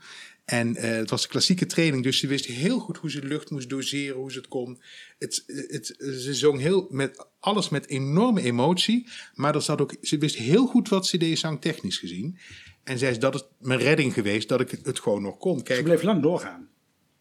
ze is naar die eerste longembolie doorgegaan, inderdaad. En dat, dat zonder dat veel mensen het werkten. Toen is er eh, een eh, jaar later een tweede longembolie is er gevolgd. En dat betekende dat, eh, dat ze eigenlijk zuurstofafhankelijk werd. En dat was ook het moment, het punt, ehm, dat toen dat gebeurd was in het ziekenhuis, dat, we ook zei, dat ze zelf ook zei, ja, ik moet het naar buiten gaan brengen, ik moet stoppen, want ja, ik, ik ben afhankelijk van dat apparaatje. Ik kan niet meer, dus ja, dan, zuurstofapparaat. ja, ja. zeker. Ja, er was inderdaad toen nog eh, ook die, die, die tweede long, waar ze volledig op leunde, was voor een deel weg.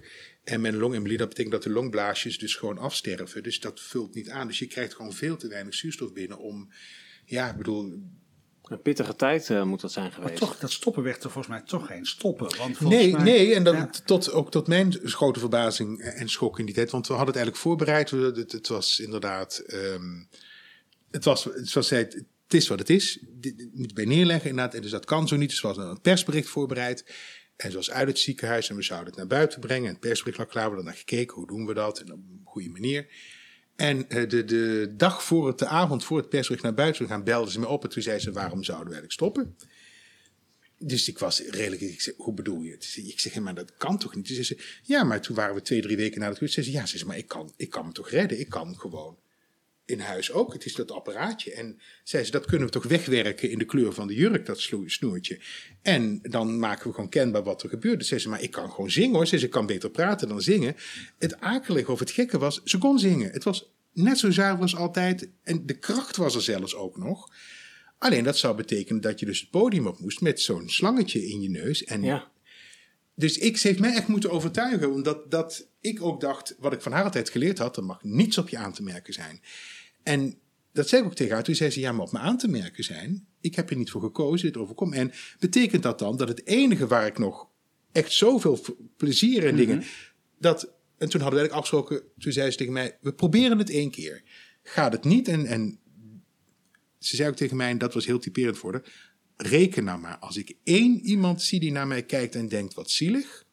Nooit meer. Want dat was iets, een enorme trotse vrouw. Nee. Nooit, never. Ik bedoel, dat, dat liet je niet gebeuren. En toen hebben we dat inderdaad uitgeprobeerd. En ja, het was heel. Het gekke was, ehm, of het gekke. eh, ze kwam op en het was wel breed in de pers geweest dat ze natuurlijk dit had gehad. En ook dat ze doorging met optreden. Onder bepaalde voorwaarden wel.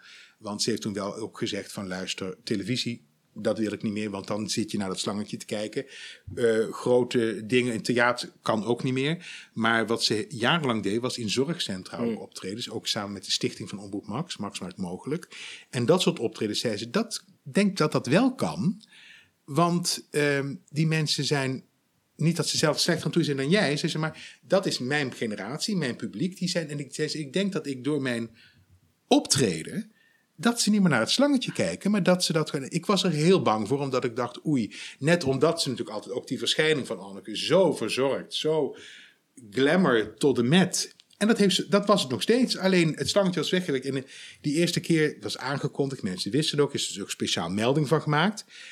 En ze, ze begon bij de zorgcentra altijd met Nina Bobo. Ehm, en je zag ook gewoon dat ze met, als ze opkwam met hem het aankomt, dat mensen naar het even keken van, oh ja, dat zit er. Maar voordat het eerste nummer voorbij was, was dat weg. Was het, en mensen merkten, oh, maar Letten ze daar niet meer op. ze zingt gewoon zoals ze zong. Ze ziet eruit zoals ze eruit zag. Ze maakte er een grapje van met die dingen. Ze zei van, ja meneer, ik kan niet helemaal bij u komen, want zo lang is dat slangetje niet. Oh, dus ze ja. maakte ook zelf spot en humor. En ik heb het met zien gebeuren dat ik zelf ook dacht, ja, ze had verdorie weer gelijk. Het is, maar ze was wel streng in dat ze zei, dat en andere dingen kunnen niet meer. Zei ze, want dan, Daar heeft ze een keuze in gemaakt. ze zei, dan kan ik het niet wegnemen. En het Nee. moet geen, geen zielig geval of rariteitenkabinet.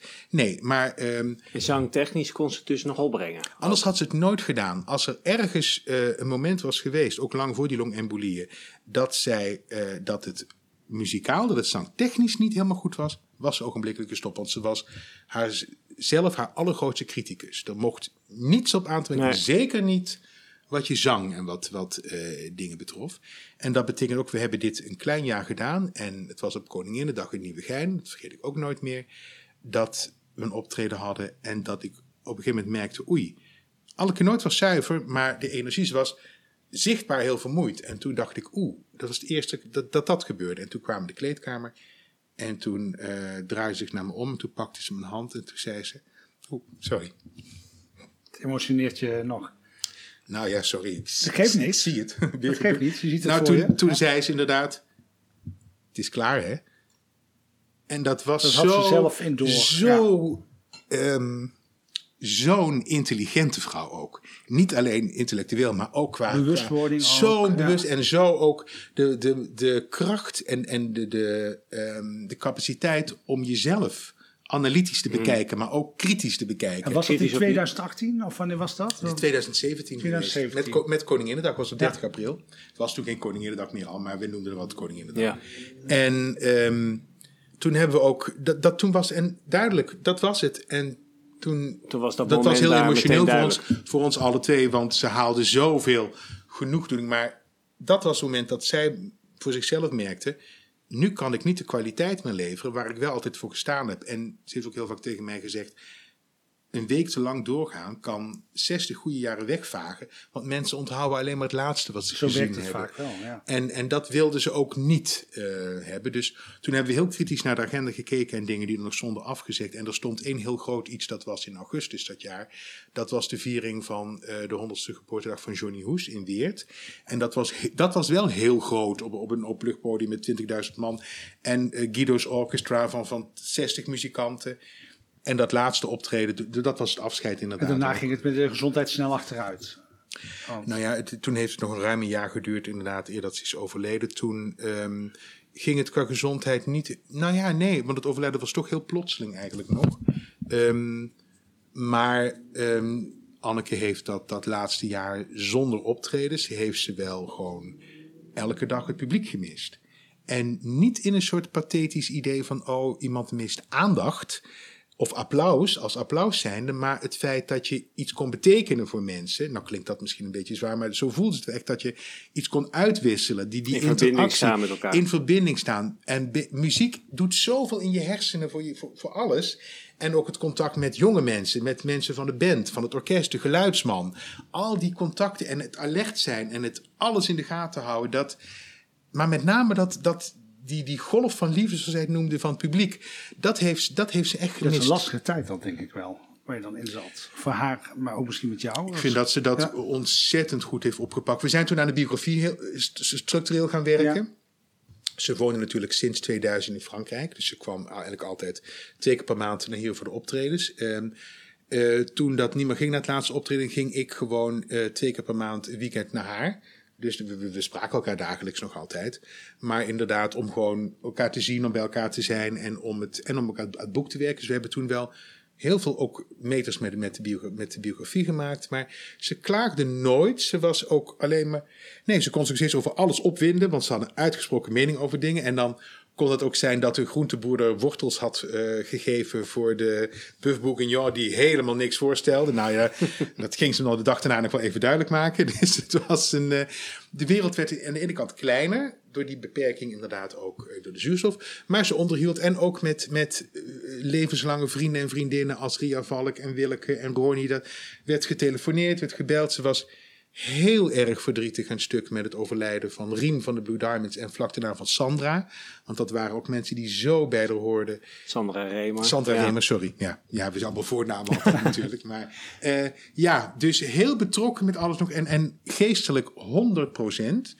Ehm, dus toen het op een gegeven moment eh, het, het overlijden was nog toch heel, eigenlijk nog heel onverwacht. eh, toch. Wel heel fijn dat ze nog aan de biografie heeft meegewerkt.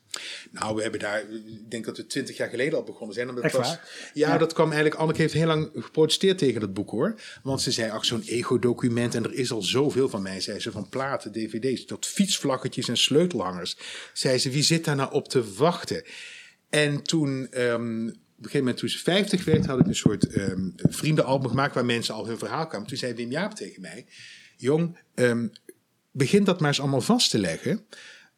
Want Mammy wil straks echt wel zijn boek, maar ze moet aan het idee wennen. Mammy was Anneke, Ja, ja. ze noemen elkaar papi en Mammy. En ehm, dus toen ben ik inderdaad al begonnen met heel veel mensen daarvoor te bespreken. Omdat Anneke wel zei met een boek, als we het ooit doen, zei ze, dan wil ik wel dat het ehm, objectiever is dan alleen mijn beleving. Ja, het is een heel mooi boek geworden. Ook met een eh, bijzondere LP, hè, waar ook de drie eh songwesselliedjes op staan. Van Nationaal. De live-uitvoering, De ja. live-uitvoering. Ja, en Heartbeat En uit, Heartbeat, eh, 69. Ja. dus een heel bijzonder boek. Eh, maar is ook een bosbeeld onthuld vorig jaar.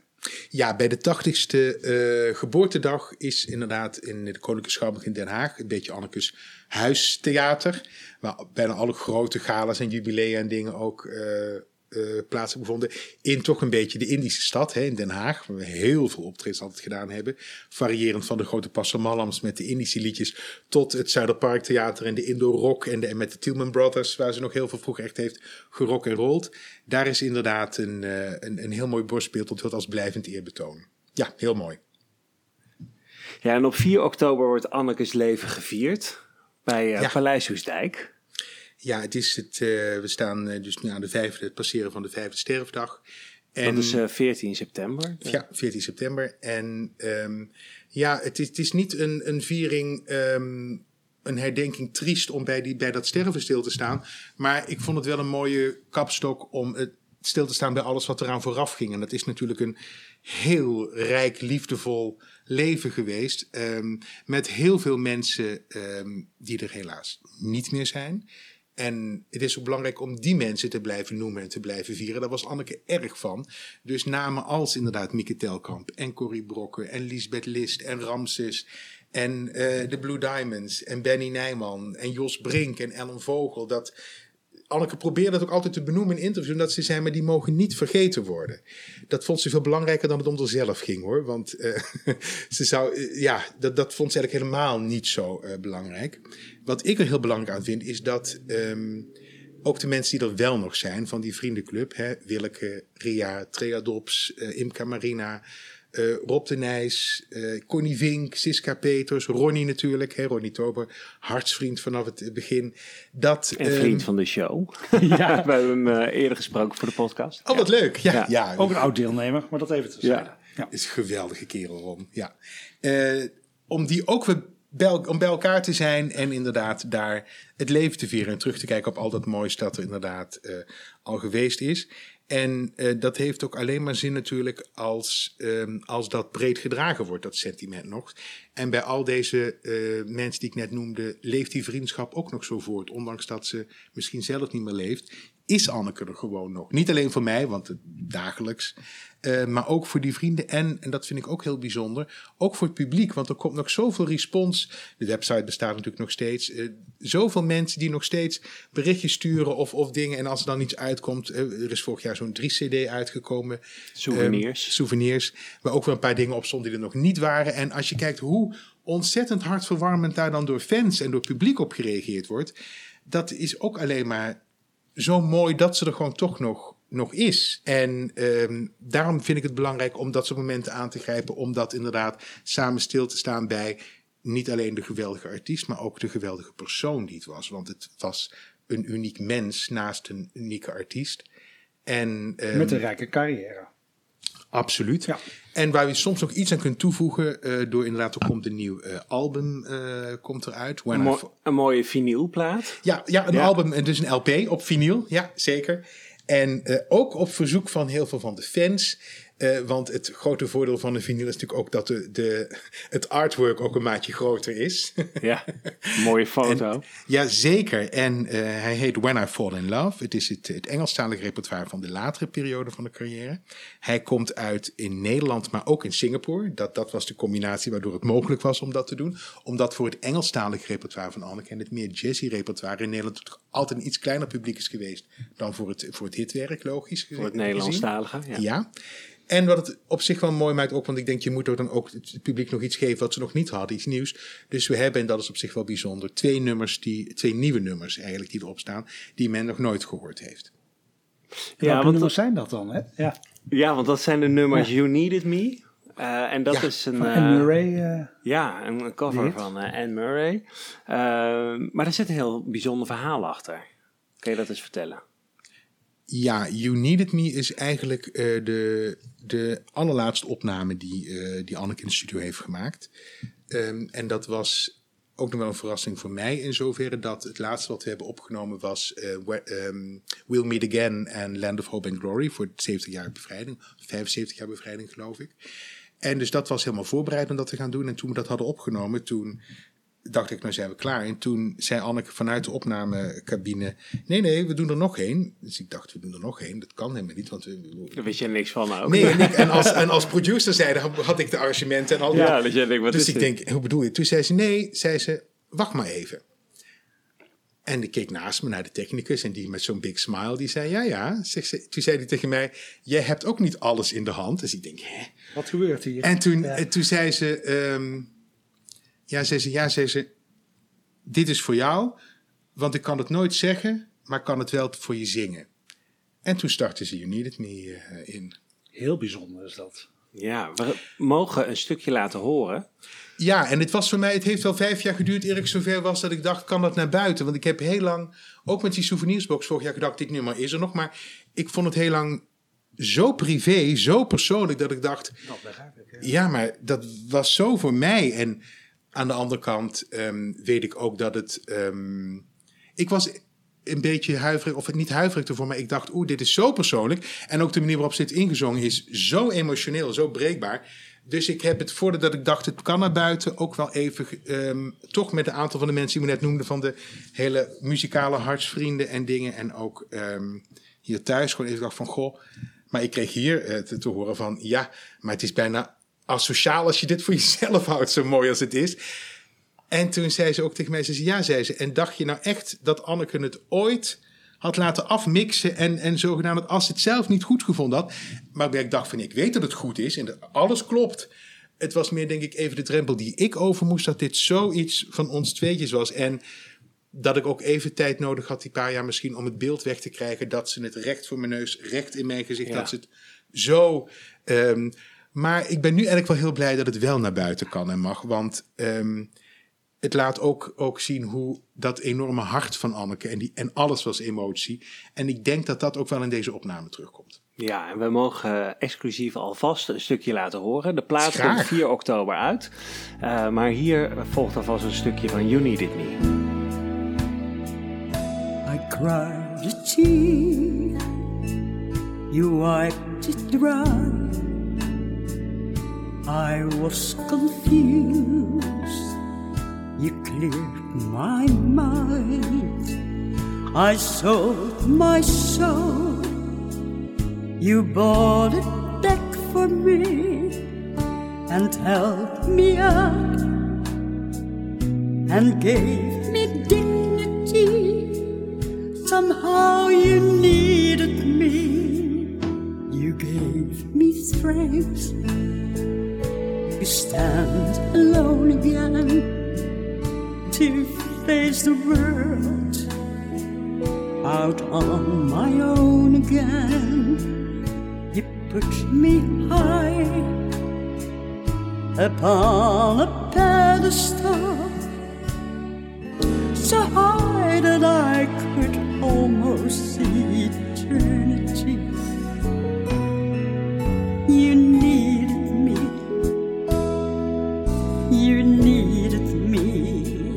prachtig nummer. Mooi dat je hem eh, nu met de wereld eh, deelt, middels, eh, middels die LP die uit gaat komen. Daar staat ook een tweede liedje op en die heeft een referentie met het Songfestival. Jazeker.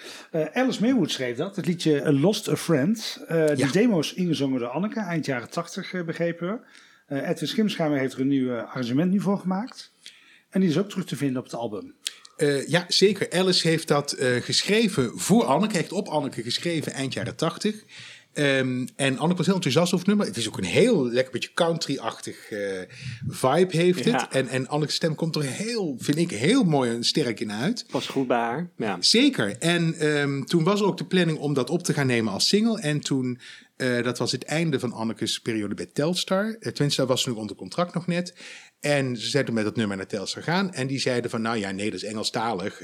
Dat gaan we niet doen. Toch de hokjes waar men vaak in denkt. Zeker. Het was ook indirecte reden waarom Anneke afscheid nam van Telstar. Eh, maar toen is er met dat nummer niks gebeurd. Ehm, dat wil zeggen, ehm, dat is later heeft Alice Maywood dat eh, in Anneke's demoversie aan Corrie Konings laten horen. Die heeft er inderdaad een Nederlandse tekst op laten maken en heeft het bij haar op een album eh, gezet, geloof ik. Ehm, maar die, die opname van die demo was er, maar dat was alleen met een synthesizertje. Maar het was wel een heel sterk, mooi, goed nummer. En toen eh, had ik het erover met Mark Baaiens, eh, de, de eh, schoonzoon van Lisbeth List, die een eigen geluidsproductiebedrijf ook heeft. En, ehm, en Edwin. En toen zeiden ze, ja, maar we, als, we kunnen de stem loshalen tegenwoordig. En als we nou eens een heel ander arrangement en dat helemaal... Toen dacht kan dat? Dus dat hebben ze toen inderdaad gehad. En nou ja, ik ben er heel blij mee. Dat klinkt heel fris, heel, ook anno nu eigenlijk eh, gewoon. Want dus het is Anneke's Vocal uit, uit 88, 89. Waar ze een heel nieuw eh, arrangement en muziekstuk onder gemaakt hebben. En eh, met, met, met Alice ook, ook laten horen besproken. Die was ook heel enthousiast. En die zei ook, ben zo blij dat dat nummer na zoveel jaar later...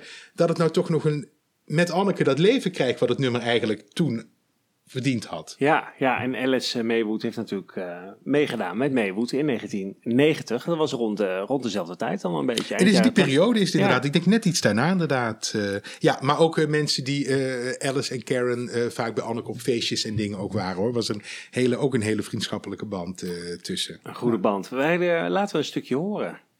Lost a Friend.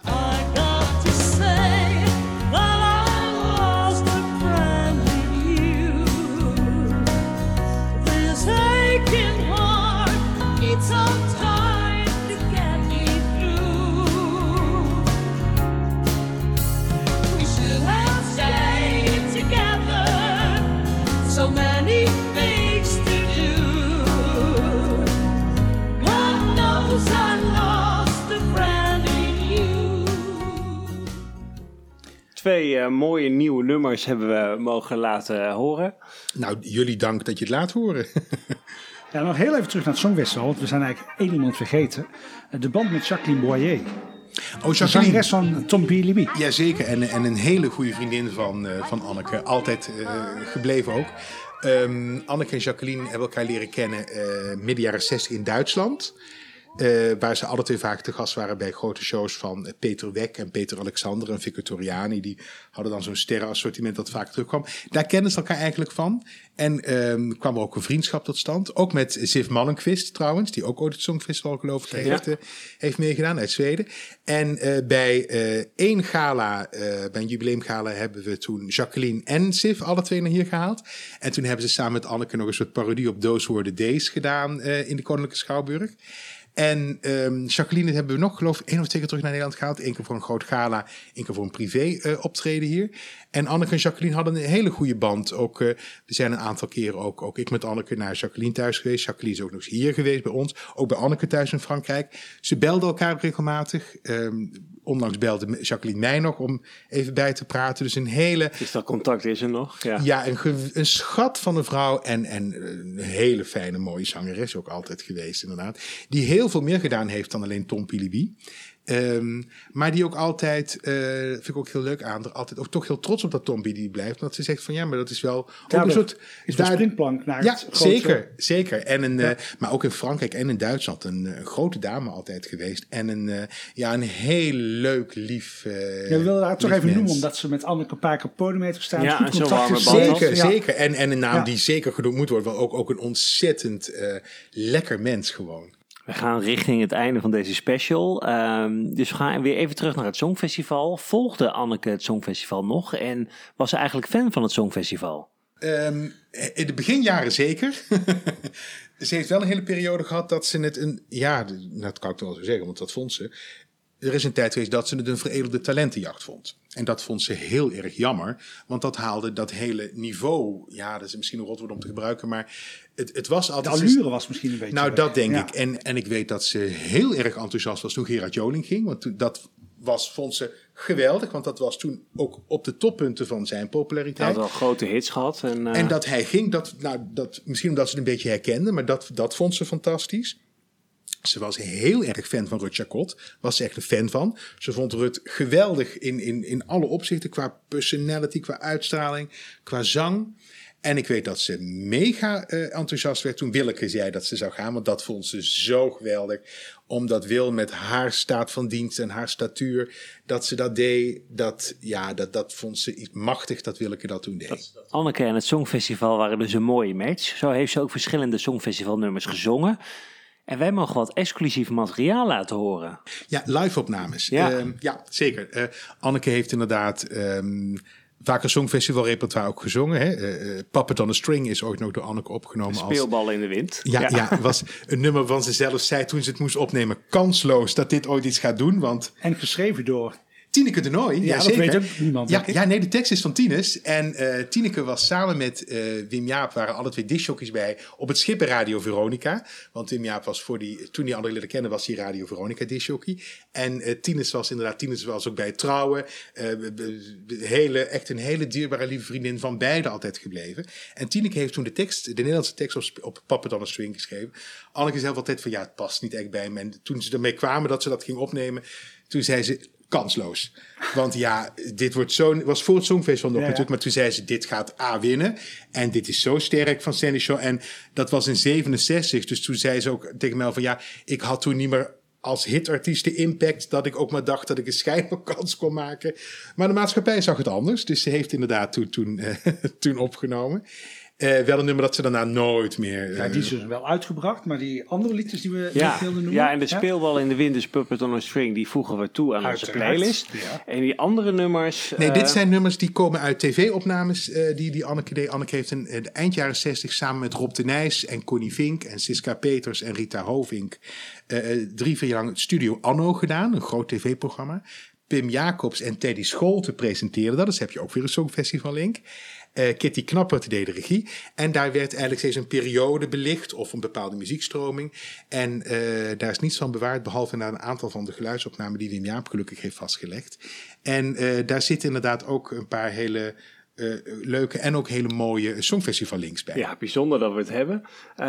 We sluiten dan ook af met, met die medley. We willen jou ontzettend bedanken Erg voor bedankt. je mooie verhaal. Jullie bedankt voor de prachtige aandacht voor Anneke op deze manier. En dan gaan we luisteren gedaan. naar die drie liedjes, eh, Giel. Welke zijn dat? Ja, dat is eh, L'amour est bleu. Dat is van eh, Vicky Leandros uit 1967. Het winnen net als toen. Ja, eh, 1957. Correct. En Corrie Brokken. Nono zeker. Leta van Gigliola Cinquetti. Daar we- sluiten we mee af. Luisteraars, dank voor het luisteren. En eh, mooi dat we deze special hebben kunnen maken over Anneke Grunlo. Ja, dit najaar zijn we terug met, eh, met nieuwe afleveringen. Een hele nieuwe reeks, een derde seizoen. Eh, dus volg ons Instagram-account om eh, te zien wanneer we daarmee van start gaan. En wij sluiten af met een mooie Songfestival medley. Bedankt voor het luisteren.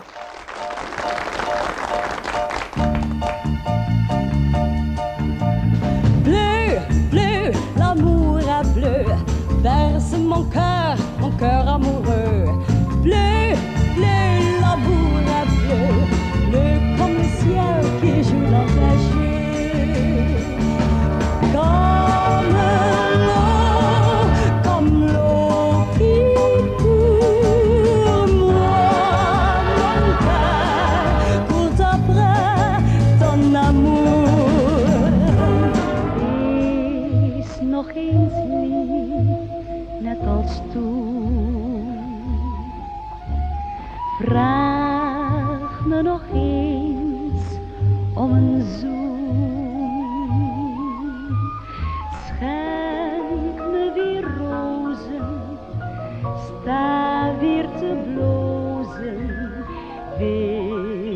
Nog eens lief, net als toen.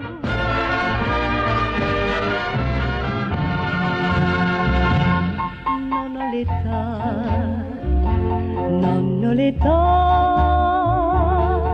per amarti, nonnoletta, per uscire sola con te e non avrei, non avrei nulla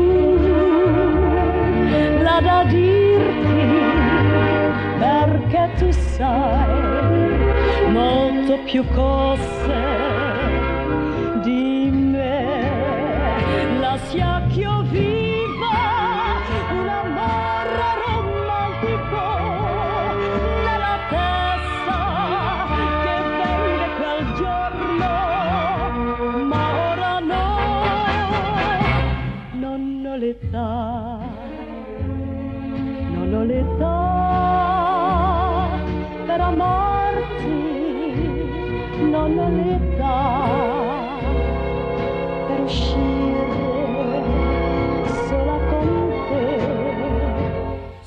tu vorrai, se tu vorrai aspettarmi, quel giorno avrai tutto il mio amore per te.